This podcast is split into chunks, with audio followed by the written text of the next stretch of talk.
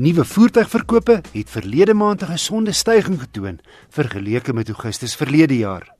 Net meer as 49200 eenhede is verkoop volgens Naamsa se syfers.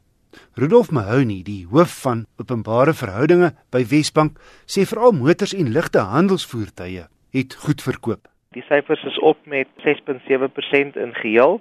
As ons kyk na die uh, spesifiek na die handelaarskanaal, is die verkope op met 8.8% en meer spesifiek vir uh, passasiersverkope deur die uh, handelaarskanale is op met 11.2%.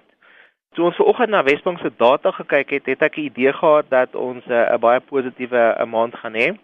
Uh, wat ek gesien het is dat uh, vir die laaste 3 maande is aansoeke vir nuwe voertuie op tussen 7 en 10% vir die laaste 3 maande gemiddeld waar aansoeke vir gebruikte voertuie is af tussen 1 en 3% vir die laaste 3 maande. So dit dit het my gewys dat die aanvraag besig is om te skuif terug van die gebruikte mark terug na die nuwe mark. Waar ons die afgelope 18 maande 'n baie sterk beweging gehad het van nuut na gebruik. So dit is duidelik dat die dat kliënte besig is om te skuif na terug na die nuwe mark toe. As ons kyk na die gemiddelde transaksiewaarde wat Wesbank finansier, is die gemiddelde uh, op nuwe voertuie op tussen 1 en 3% waar gebruikte voertuie op is tussen 7 en 9% vir die laaste 3 maande. Dit sê vir my dat die vervaardigers besig is om sterk bemarkingsveldtogte in die mark te dryf, soos die inruil bystand waar daar groot bedrae teruggegee word aan die kliënte. Dit maak dit baie meer waarde vir geld vir die gemiddelde verbruiker om terug te gaan na die nuwe mark toe. Mens moet net byvoeg dat verlede maand se goeie syfer is uh, in verhouding tot 'n lae basis nê van verlede jaar. Natuurlik ja, die afgelope 2-3 jaar is verkope af gemiddeld 10% uh, 'n jaar. So die mark het baie verswak en is ons nog nie daar waar ons moet wees nie. Begin van die jaar by die Car of the Year het Wesbank se vooruitskatting vir die jaar het ons 'n positiewe jaar verwag en het ons gesê die die mark sal groei met omtrent 1.7% vir 2017 waar die huidige verkope is op vir die jaar met 0.6%. So ons is besig om om terug te kom na die positiewe verkoopsyfers toe. As ons terugkyk na die begin van die jaar, Januarie en Februarie, was verkope eintlik positief geweest, maar toe het ons die politieke probleme gehad wat ons baie negatiewe invloed op die mark gehad het. Ons vooruitskatting is dat ons 'n verdere 25 basispunt verlaging in rentekoerse verwag gedurende September, wat dan natuurlik nog meer positiewe sentiment vir die verbruikers sal gee en ons hoop dat dit 'n verdere positiewe impak op verkope sal hê. Rudolf, net so terloops, hoeveel mense wat 'n voertuig by 'n handelaar koop, betaal kontant uh, vir die voertuig teenoor die voertuig afbetaal oor 'n paar jaar? Wessel, jy gaan eintlik uh, geskok wees as jy die nommer hoor. Gemiddeld tussen 25 en 30% van alle verkope um, by die handelaars is kontant. Sjoe. Wat mense sou dink meer mense betaal nou maar af elke maand. Ja, ehm um, mense moet ook maar dan dink oor waar daai kontant vandaan kom. Dit is nie altyd 'n uh, werklike spaargeld nie. Baie van dit is as gevolg van 'n uh, persoonlike lenings of waar mense 'n bedrag op die huislening vat. Ehm um, en dis kom hy met kontant by die handelaar aan, maar dit beteken nie dit is werklik waar kontant nie. Rudolf Mahoney van Wesbank. Die Toyota Hilux was gerieflik die topverkoper met die Ford Ranger tweede. Die Ford EcoSport was die top sportnutsverkoper.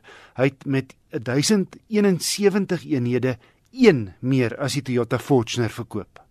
Suzuki het 'n mylpaal behaal deur vir die eerste keer meer as 1000 eenhede te verkoop die vervaardiger se beste verkope sedert sy toetrede tot die plaaslike mark in 2008.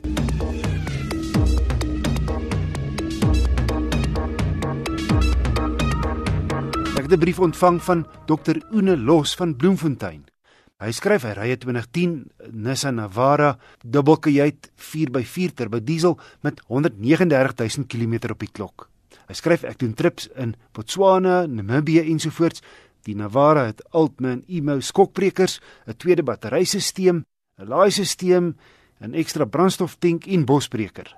In die bande is splinternuut. Ek ry die bakkie vandat hy nuut is en ek ken hom dus. Slegs die koppelaar is reeds 2 keer vervang.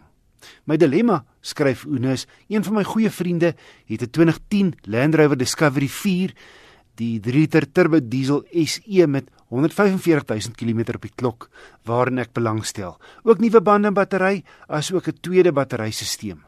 Een eienaar en alle dienste is gedoen. En nou wonder hy of hy die ekstra geld moet uithaal om 'n kar wat dieselfde model is as syne te koop teen 265 000 rand. En hy voeg by, hy weet op 168 000 km moet hy die Campbells vervang teen 20 000 rand. Nou Oene, kom ons kyk eers na die positiewes. Ja, die Discovery SE is heelwat luukser as jou bakkie. Hy bied groter rygerief en 'n beter ritgehalte en dan het hy ook 'n bietjie meer krag. Wat teen die Disco tel, sy onderhoudskoste is hoër. En omdat hy luukser is en meer elektronika het, is daar heelwat meer wat kan fout gaan. En daar's minder pakplek as in jou bakkie. So, om sake op te som, die Discovery is 'n fantastiese voertuig, maar jou beursie sal moet reg staan.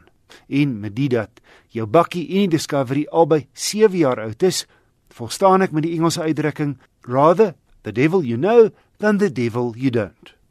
My e-posadres indien jy 'n motornavraag het is wissel@rsg.co.za. Volgende week evalueer ek die top diesel Fortuner die 2.8 GD6 4x4 outomaties.